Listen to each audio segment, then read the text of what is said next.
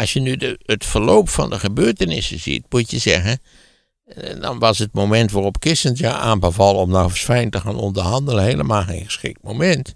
Aangezien de strategische positie van de Oekraïne ondertussen weer aanzienlijk verbeterd is. Die strategische deskundigen die, die staan hier ook wel een beetje. Die waren kennelijk wel heel graag bereid om te gaan onderhandelen. Mij leek het ook wel verstandig om, om hè, want hoe lang kan dat duren? En moet je al die offers blijven brengen enzovoort enzovoort. Maar als, als de staken zich op de grond zo ontwikkelen als nu het geval is, dan is meer Zelensky, heeft Zelensky meer gelijk dan Henry Kissinger. Het verlossen, kunt u mij horen?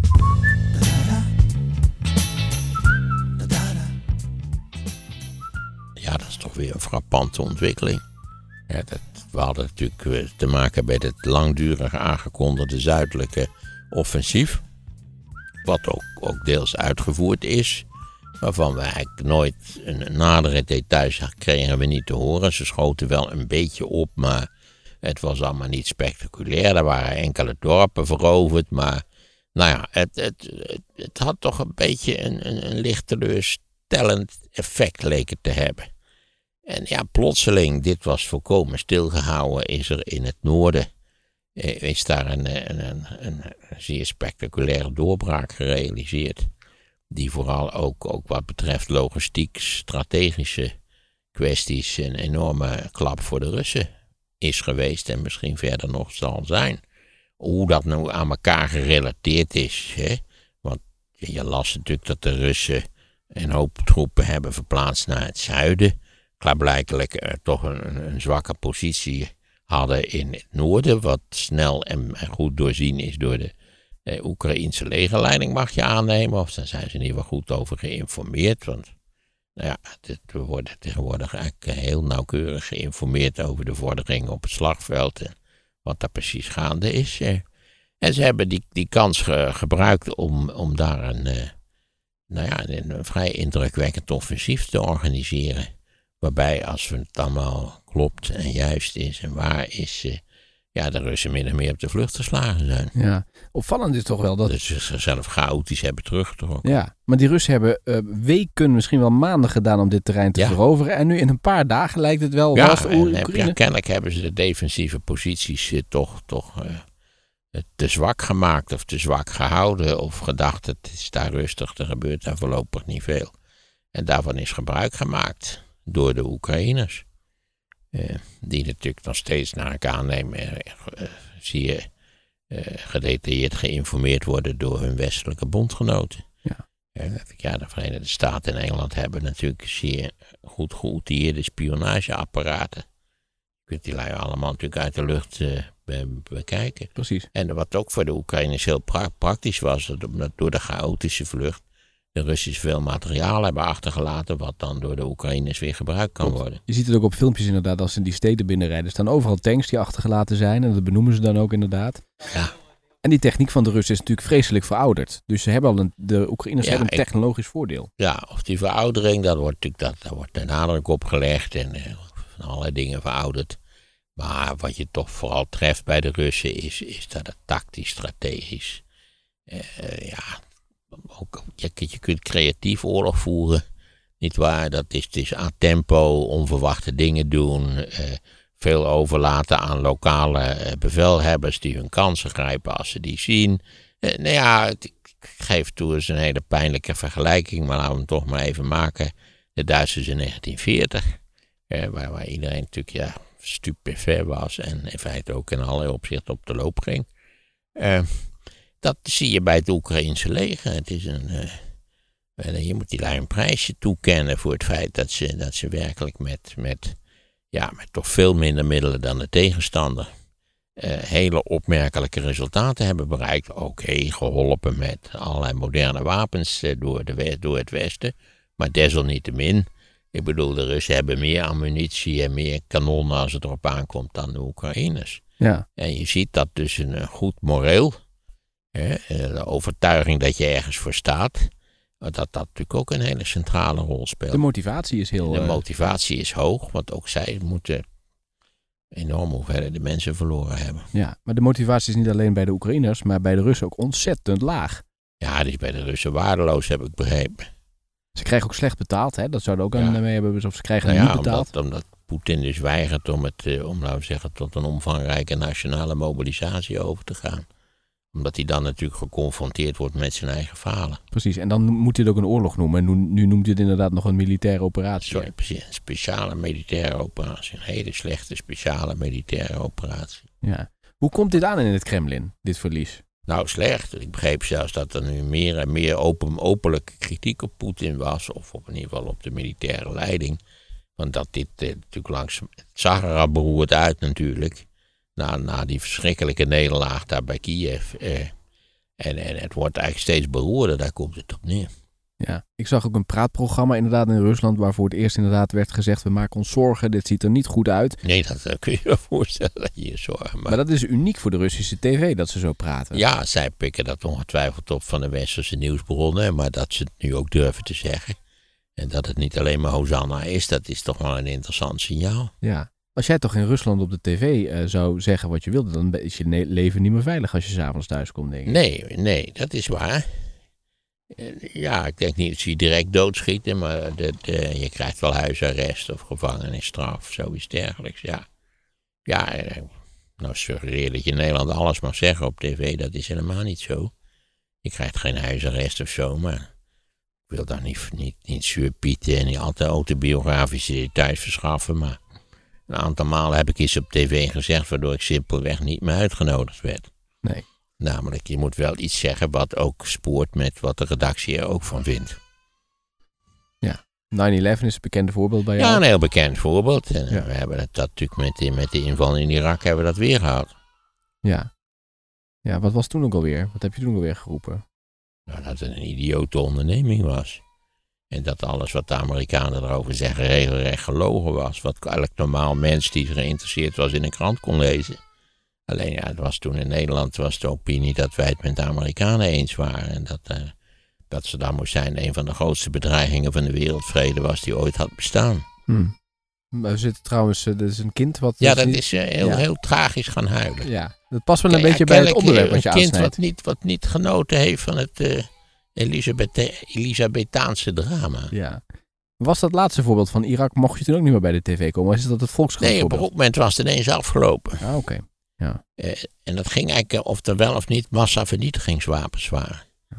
En Nou ja, ik beweerde dat dat onzin was. Wat je ook, en nogmaals, ik had dat natuurlijk allemaal niet zelf verzonnen of zo. Ik doe niet aan eigen liefscharing. Ik kan niet anders doen dan een krant lezen. Daar komt het op neer. En je had toen de Night Ridder Press.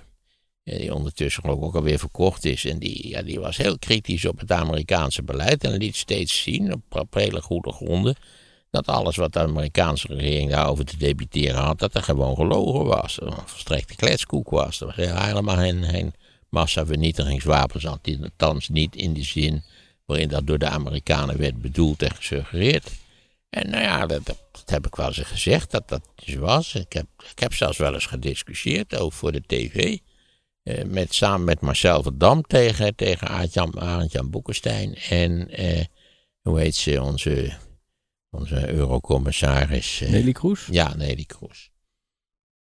En, eh, nou ja, Van Dam en ik, die zeiden dat, dat is een beetje wat ik nu net eh, kort samengevat tegen jou heb gezegd. En, nou ja, Nelly Kroes en, en, en, en Arend Jan Boekenstein zeiden natuurlijk, je zult het nog wel merken, dat komt nog wel uit, dat is allemaal verschrikkelijk. En hoe kun je zo naïef zijn, dat is toch onzin. En nou, en goed, dat is eh Arend Jan overigens heel correct heeft achteraf gezegd dat, eh, dat hij geen gelijk had. Dat het sp- speet dat hij, dat hij dat er allemaal over gezegd had. Er was trouwens nog een eh, mooie reportage van Jeroen Akkermans bij RTL. Die was in Kiev en die stond daar in ja, de, de club, zeg maar, de, de discotheken die weer open gaan. Eh, wel met avondklok, want om 11 uur moet volgens mij alles open eh, of dicht, gaan, dicht zijn. Maar dat was wel, het liet wel weer zien dat het normale leven ook in Kiev langzaam weer Ja, ik begreep al een hele tijd dat ze gewoon weer op de terrasjes zaten en zo. En Ja. min of meer probeerden toch het normale leven op te starten. Wel begrijpelijk, je kunt niet eindeloos aan de rang blijven. Ja. Ik wel goed aan die Akkermans, want die Wat je, wat je altijd vergeet is hoe groot het land is. ontzettend, hè? Ja, dat is, eh, je ziet het op het kaartje staan, maar ga dan maar eens doorheen rijden. Dat is, eh, Het is groter dan Frankrijk. Ja. ja, ja, veel groter. Ja, nou, veel groter. Het is groter dan Frankrijk. En Frankrijk is de grootste qua oppervlakte. De grootste West-Europese natie. Maar hij had hele karakteristieke figuren in die reportage. Ook mensen die met van dat lange haar stonden te headbangen, heet dat volgens mij. En daar stond hij naast. Volgens mij ook daarna de presentatrices in de studio kwamen niet meer bij van het lachen. eh, omdat hij dat... Hij zoekt wel altijd dat soort verhalen op. Echt een oorlogsverslaggever, wat Connie Mus ook had, hè? Ja, mij zegt het niks, maar ja, ik ben zoals je weet een waardeloze tv-kijker. Nou, ik vind het wel mooi dat eh, die verslaggevers naar het front toe gaan, weet je. En die willen ook bijna vooraan staan. Nou ja, er zijn, eh, heel, er zijn heel wat journalisten om het leven gekomen in de Ja, Oekraïne. ja. Dat is een heel gevaarlijk beroep, frontverslaggeven. Stan Storymans is de bekende cameraman. Die, eh, Ja, die is toen door, daar, daar, waar was dat? In Georgië was Ja. dat toch? Ja. Dat was ook zo'n raket die op, die, was dat, is dat Tbilisi? Nee, dat is weer wat anders. Eh, Ja, wel daar in die, in die regio is hij om het leven gekomen, ja. ja. Nou goed, in ieder geval is dit wel een lichtpuntje voor de mensen in Oekraïne. Ook voor, voor ons in het Westen, toch? Dat dit gebeurt. absoluut. Maar die oorlog die daar gevoerd is, eh, wordt, is van, van aanzienlijke betekenis ook voor de toekomst van Europa natuurlijk. Ja. Kijk, zou Poetin die oorlog eh, winnen, of al glansrijk gewonnen hebben, dan ziet natuurlijk ook de hele strategische situatie er in Europa anders uit. Want dan moet je steeds op je hoede zijn voor nieuwe poppenkasten die hij opvoert. Hè. Denk aan de Baltische Republieken, je kunt je daar allerlei scenario's bij voorstellen. Intimidatie ten aanzien van Oost-Europese landen, dan kort je een heel scenario kun je Ja. opbouwen. En dat zijn allemaal zaken die nu in feite niet aan de orde zijn door de, door de opmerkelijke tegenstand, effectieve tegenstand die de Oekraïne biedt. Vandaar ook dat ik denk dat het volledig gerechtvaardigd is Ja. dat we de Oekraïne op grote schaal assisteren. En ik hoop ook dat tegen de tijd dat, het, dat we het koud krijgen, hè, dan schijnt dat in Nederland in ieder geval erg mee te vallen. Ik denk nog steeds, waarom zou je in godsnaam niet, als het echt de nood aan de man komt, die kraan in, eh, in eh, eh, Groningen weer opendraaien? Hè? Ja, dat blijft een beetje vaag, waardoor je sowieso al het idee hebt van dat, dat ze dat wel achter de hand hebben.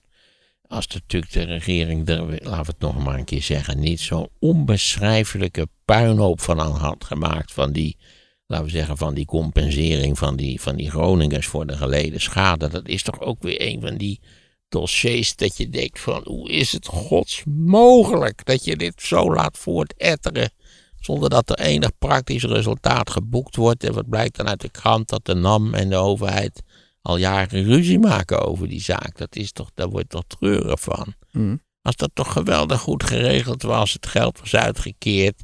Ze hadden al die huizen aardbevingsproef gemaakt. Dat is helemaal niet zo verschrikkelijk moeilijk. Dan had je kunnen zeggen, wow, we zetten tijdelijk, oké, tijdelijk, zetten we de kraan weer even open. Heb je Henk Kamp nog gehoord van de week bij de commissie?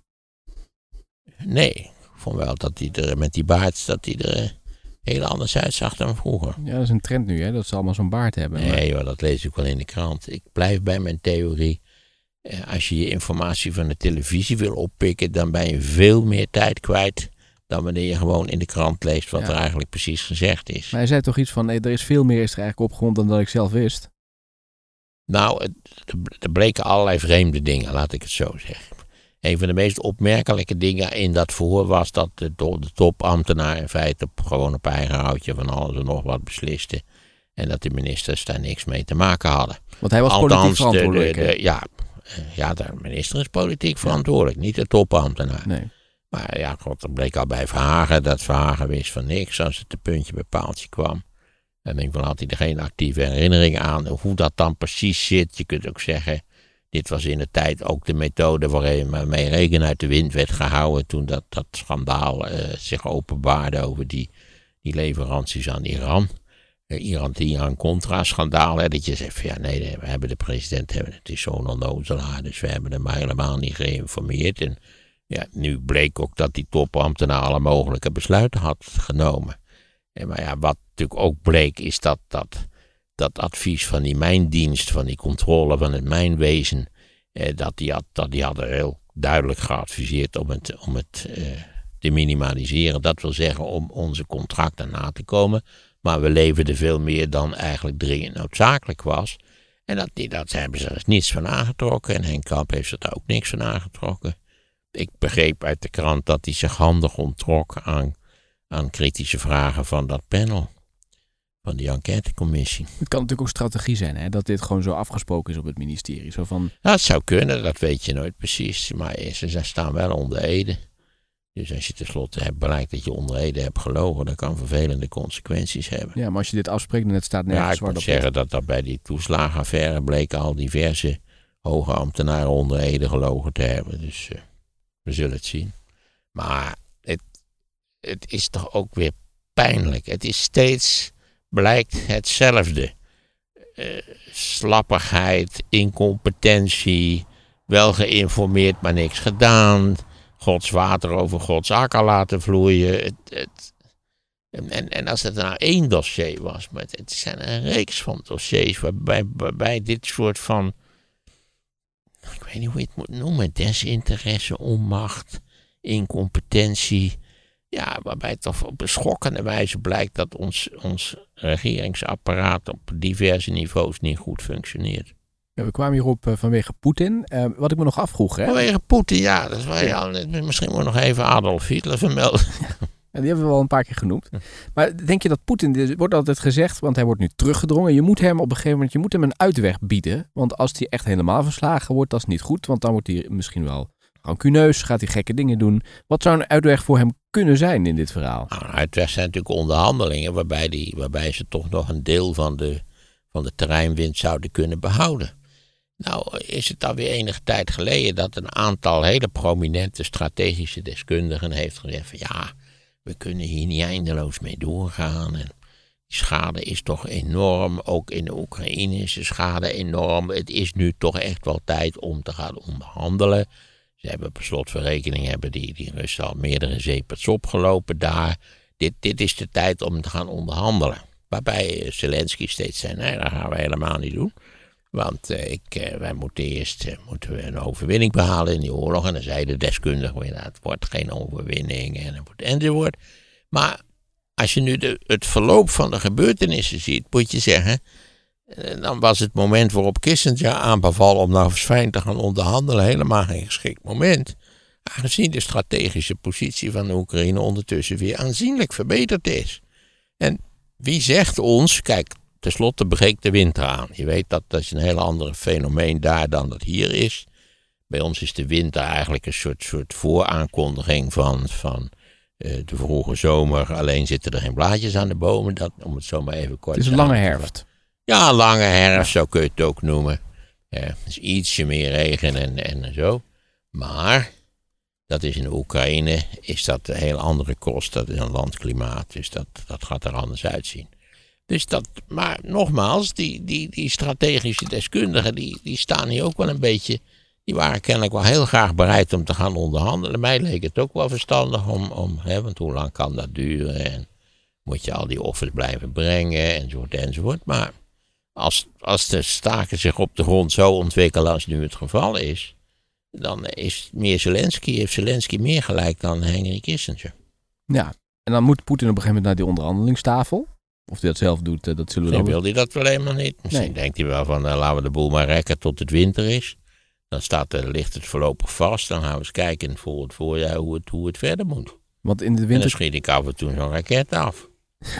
want in de winter is het on, ondoenlijk om daar door te vechten. Ik heb begrepen van wel. Hm. Dat valt niet mee. Nou ja, kijk naar het Oostfront in de Tweede Wereldoorlog. Daar is gewoon doorgevochten. Ja, dat, eh, ja, dat kost offers, gigantische offers. Je kunt wel vechten, maar het is- het wordt wel allemaal veel problematischer. En ik heb begrepen dat toch de intensiteit dan aanzienlijk minder zal zijn. Dan kun je ook in je voordeel gebruiken. Ik kan ook. Tot nu toe hebben de Oekraïners steeds, eh, hoe, zullen we dat, hoe zullen we dat eens goed formuleren, eh, op een heel creatieve manier gevochten. Zij zijn in principe degene met de minste spullen en de minste mensen. Ja. En ze hebben het er fantastisch van afgebracht. En toch weer die motivatie, want ik had het net over die ja, clubs. die motivatie speelt natuurlijk in een oorlog een enorm belangrijke rol. Ja. En ze bezamelen in die clubs. Ze zeggen als je hier een kaartje koopt om binnen te komen, een deel gaat naar het front toe. Ja. Nou, er zijn natuurlijk meerdere voorbeelden van, van lui die, die uiterst competente, creatieve oorlog hebben gevoerd. Je kunt ook denken aan, aan Israël in zijn hoogtijjaren als oorlogvoerder. Hè? Waar, je, waar je ook, ja, waar je steeds zegt van kijk, zo kan het ook. Jij vindt het nog altijd een mooi leger, hè, Israël? En dat weet ik niet, want nu hebben ze al een hele tijd niet meer gevochten natuurlijk. En dat is een van de, denk een van de cruciale aspecten van vechten. Is, is, als je daaraan begint, dan weet je niet precies hoe het gaat. Tenminste, als je het niet eerder gedaan hebt. En dan moet je het leren hoe je het moet doen. En dan tenslotte, ik zou nu zeggen, ik denk dat op dit moment het Oekraïense leger het meest effectieve leger in Europa is, zonder meer. Er schreef ook al iemand, het wordt tijd dat als dit, als dit uh, zo verder gaat, dat al die, al die militairen in West-Europa zijn uh, educatie gaan volgen en hoe je dat aan moet pakken. En je ziet toch steeds dat dat creatief oorlog voeren is, dat je onverwacht bent, dat het snel gaat, dat je veel overlaat aan lokale commandanten. Het, het zijn vaak toch dezelfde patronen. Vandaar dat ik, oké, het zal niet populair zijn, het, het voorbeeld gaf van het Duitse leger in 1940. Ja. Wat vind je trouwens van die, die... Tempo, tempo, tempo. Onverwachte dingen doen. Ja, die blitzkrieg, dat is toch wel iets wat vaak wordt aangehaald. Ja, die blitzkrieg is ook een mythologie, maar ik moet misschien eens een keer over hebben. Er bestaat in een dik boek, Blitzkrieg Legend, waarbij aangetoond... Die blitzkrieg, dat is iets, vooral iets wat we er achteraf van gemaakt hebben. Oké, dat was op dat moment niet dat Hitler zei, we gaan nu een blitzkrieg Nee, helemaal niet. Hitler maakte, was er hartstikke zenuwachtig over. Dat het, dat het veel te snel ging. En, en nou ja, Hitler heeft het stopgezet, waardoor ze in Duinkerken al die lui van de strand hebben kunnen halen. Hm. Wie heeft het bedacht dan, dat het zo snel moest? Nou, de, de Duitse panzergeneraals. Want in, in Berlijn waren ze wel zenuwachtig. En zeiden ze, ja, joh, niet zo snel en zo. Uh, wacht nou eens even, waar zijn jullie nu? En dan decoderen je net of hij het niet gehoord had. En die, ja, hielden het tempo erin. Ja. ze stond in drie weken in Abbeville. Eh, ze stond in drie weken aan de kanaalkust. Ja. Is dat ook, is, kun je daar dan ook uit concluderen dat je eigenlijk mensen op afstand, hè, die in de hoofdstad zitten mee te commanderen, die moet je eigenlijk niet te serieus nemen, want die kunnen het niet nou Ja, eh, dat hebben in ieder geval die panzergeneraals toen niet gedaan, waardoor, die, waardoor er een blitzkrieg als het ware ontstond. Ja. Ook, zoals altijd, door de incompetentie van de tegenstander. Ja. Ja, de Fransen begrepen er niks van. En die, hadden er allemaal niks van begrepen. En die hadden het hele strategische concept niet aan niet vermoed. En nou ja, zodoende is Frankrijk in feite in drie weken verslagen. Ja. Nog één detail waarvan ik me afvraag hoe belangrijk het is. Aan de grens uh, van Polen wordt in Wit-Rusland nu een oefening uh, op touw gezet.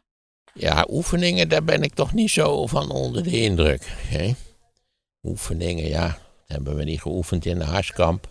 Uh, ik zou zeggen, er is een fantastische oefening gaande in de Oekraïne, namelijk een echte oorlog. Ja. En voor zover we daar iets van geleerd hebben, is dat de Russen nog en de Wit-Russen nog heel veel moeten oefenen voordat ze zo effectief oorlog kunnen voeren als de Oekraïners het klaarblijkelijk kunnen. Ja, maar er zijn ook mensen die zeggen die oorlog in Oekraïne, die is ook begonnen met oefeningen. Dus dit is misschien wel ja, een soort van Nou, ik ben heel benieuwd naar. Hmm. Denk je dat uh, Poetin het in zijn hoofd haalt om Polen eventueel uh, binnen te vallen? Nee, dat zal hij zeker niet doen. Vanwege de NAVO? Ja. ja. Vanwege het feit dat het dan echt helemaal mis is. Ja. Artikel 5, hè? Dat gaat niet gebeuren. Ja, ja, ja. En ook idem dito de Baltische Republieken, wat natuurlijk nog veel gevoeliger ligt. Het was een onderdeel van de Sovjet-Unie. Ja. Polen was een bezet deel van van de cordon sanitair van de Russen in Oost-Europa. Ja, en heeft zijn handen vol natuurlijk aan Oekraïne, wat daar natuurlijk uh, nu misgaat. Ik denk als het zo daar gaat, dat zijn handen steeds voller en voller krijgt. Ja. Ook met interne kritiek, waar natuurlijk tenslotte ook gezegd wordt, ja wacht nou eens even, waar zijn we godsnaam mee bezig? Ja, ja. En ondertussen toch, kijk, uh, gas wordt wel als wapen ingezet, maar je ziet hoe snel er ook hier in Nederland op, bij sportclubs verduurzaamd wordt. Hè? Dus uh, wat de overheid nou niet voor elkaar... Daar hadden we het al een keer over volgens mij.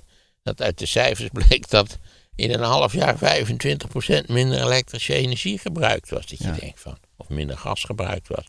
Dat je denkt, als dat dus klaarblijkelijk kan, dan zit er natuurlijk nog een enorme marge in dat gebruik. Dat mensen maar een beetje aanrotzooien. En niet waar bij de wc altijd op de grootste knop drukken en niet op het kleinere knopje. En de lichten maar laten branden voor het geval dat. En nou ja, kortom, dat we heel slordig omgaan met de energie die we hebben. Ja, maar, de, wat Goed, als je met een auto kun je 1 op 10 rijden als je als een gek doorrijdt. En je kunt ook met een auto 1 op 20 rijden, ben je er praktisch even snel. Eh, alleen moet je dus iets meer aan een andere rijstijl aanmeten. Ja. Weet je trouwens even tussendoor als je achter een vrachtwagen gaat rijden, hè, wat je dat dan scheelt? Ik weet niet. In principe moet er dus een soort van slipstream zijn waar je van profiteert. Eh, en dat zal je, je, je kunt waarschijnlijk wel iets zuiniger rijden, maar ik kan iedereen verzekeren dat, dat als je anders rijdt dan je nu doet, en je weet dat veel Nederlanders hele rare dingen doen op de weg, dat je echt denkt van, eh, zou die vanochtend nu, van nu al met, met beide benen verkeerd uit bed gestapt zijn. Nee, als je natuurlijk, eh, je ziet in de verte dat de stoplicht op rood staat.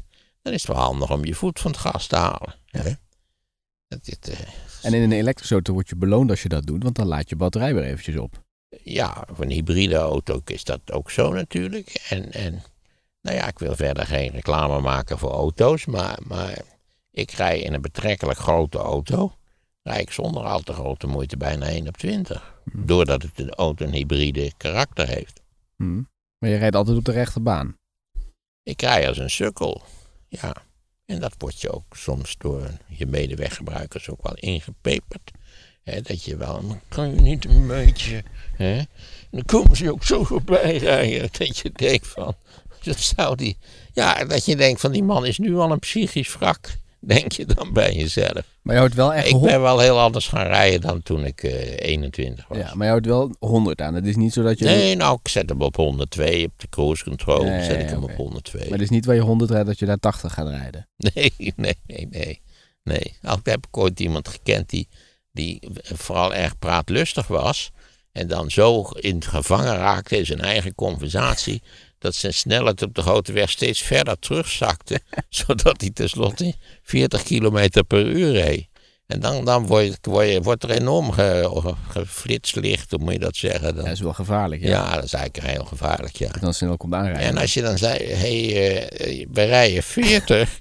ja, oep, dan ging die weer naar 100. En dan, als de conversatie bleef, dan zakte die weer langzaam terug naar de andere snelheid. Dit was in de tijd dat cruise control waarschijnlijk nog niet bestond. Nee, zeker niet. Dit was mijn, mijn eh, chef. En, en het, zeker op die auto die hij reed, daar zat helemaal geen cruise control. Nee, nee, nee, nee, nee. Cruise control is natuurlijk een beetje een typisch Amerikaanse accessoire. En als je een paar weken in, in Montana en in Wyoming rijdt, dan begrijp je ook hoe belangrijk en nuttig cruise control is. Je zet het erop en ja, de ene zaak waar je voor op moet letten is dat je in je slaap valt. nee. Maar om nog even terug te komen op Poetin en het gas, wat de overheid dus niet voor elkaar krijgt, namelijk sneller Ja, verduurzamen. blijkt door prijzen. hè, Dan wisten we dat wel zo'n beetje, dat, dat eh, mensen heel prijsgevoelig zijn. Ja. Ja, dus dat je heel veel kunt bereiken door prijzen te verhogen of te verlagen. Maar Rob Jetten was ook gevraagd hè, van wat betaalde u nu? En toen zei hij, ja, het is ook 800 euro ruim per maand eh, wat ik eh, moet aftikken voor Ah. energie. Ja, god, ik, ik, heb, ken, ik weet alleen met de gas, het gas wat ik afneem, weet ik. Dat is 374 euro. Als je natuurlijk weet dat het bij mij boven gewoon dwars door het huis heen waait. Ja, het zijn oude huizen, we hebben het er alles over gehad. Ja, Ja, ik kan het wel laten isoleren, maar dat eh, gaat in, in al deze, dit type van huizen. Is dat natuurlijk een hele onderneming. Ze zijn er niet op gebouwd per slotverrekening. Nou, ik heb van die zonnepanelen thuis en eh, de gasprijs stijgt, maar dat je die zonnepanelen hebt eh, op, een, op elektriciteit, win je toch wat terug. Nu zeker in de Zeker, zomer. zeker. Nou, de, de- buurman vertelde me net dat ze, eh, dat ze met z'n allen zonnepanelen willen doen. En eh, nou ja, misschien moet ik daar maar aan meedoen. Ja. Ja, dat is wel, het levert wel, ik film, het is natuurlijk Ja, even... wij zijn monumenten, dat is wel een probleem. Ja, je moet, ja, precies, want dan mag het niet in het zicht liggen volgens mij, hè?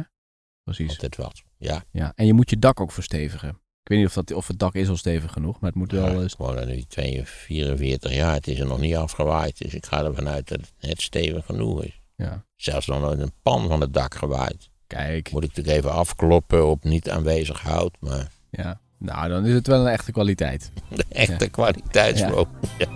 ja.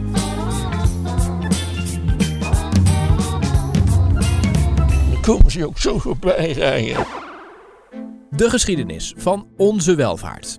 En dan komt er een uitvinder en die vindt iets uit waar nog niemand ooit aan gedacht heeft. En u zult zien, dat is bij geen enkele uitvinding is dat eigenlijk het geval. Volgens kenners een van de beste lezingen die Maarten ooit heeft gegeven. Er is zo'n hele mythologie dat eigenlijk al die uitvinders van de 18e eeuw, van de Engelse industriële revolutie, dat dat eigenlijk allemaal vrij primitieve knutselaars waren. De geschiedenis van onze welvaart. Nu te downloaden als luisterboek. Check de show notes.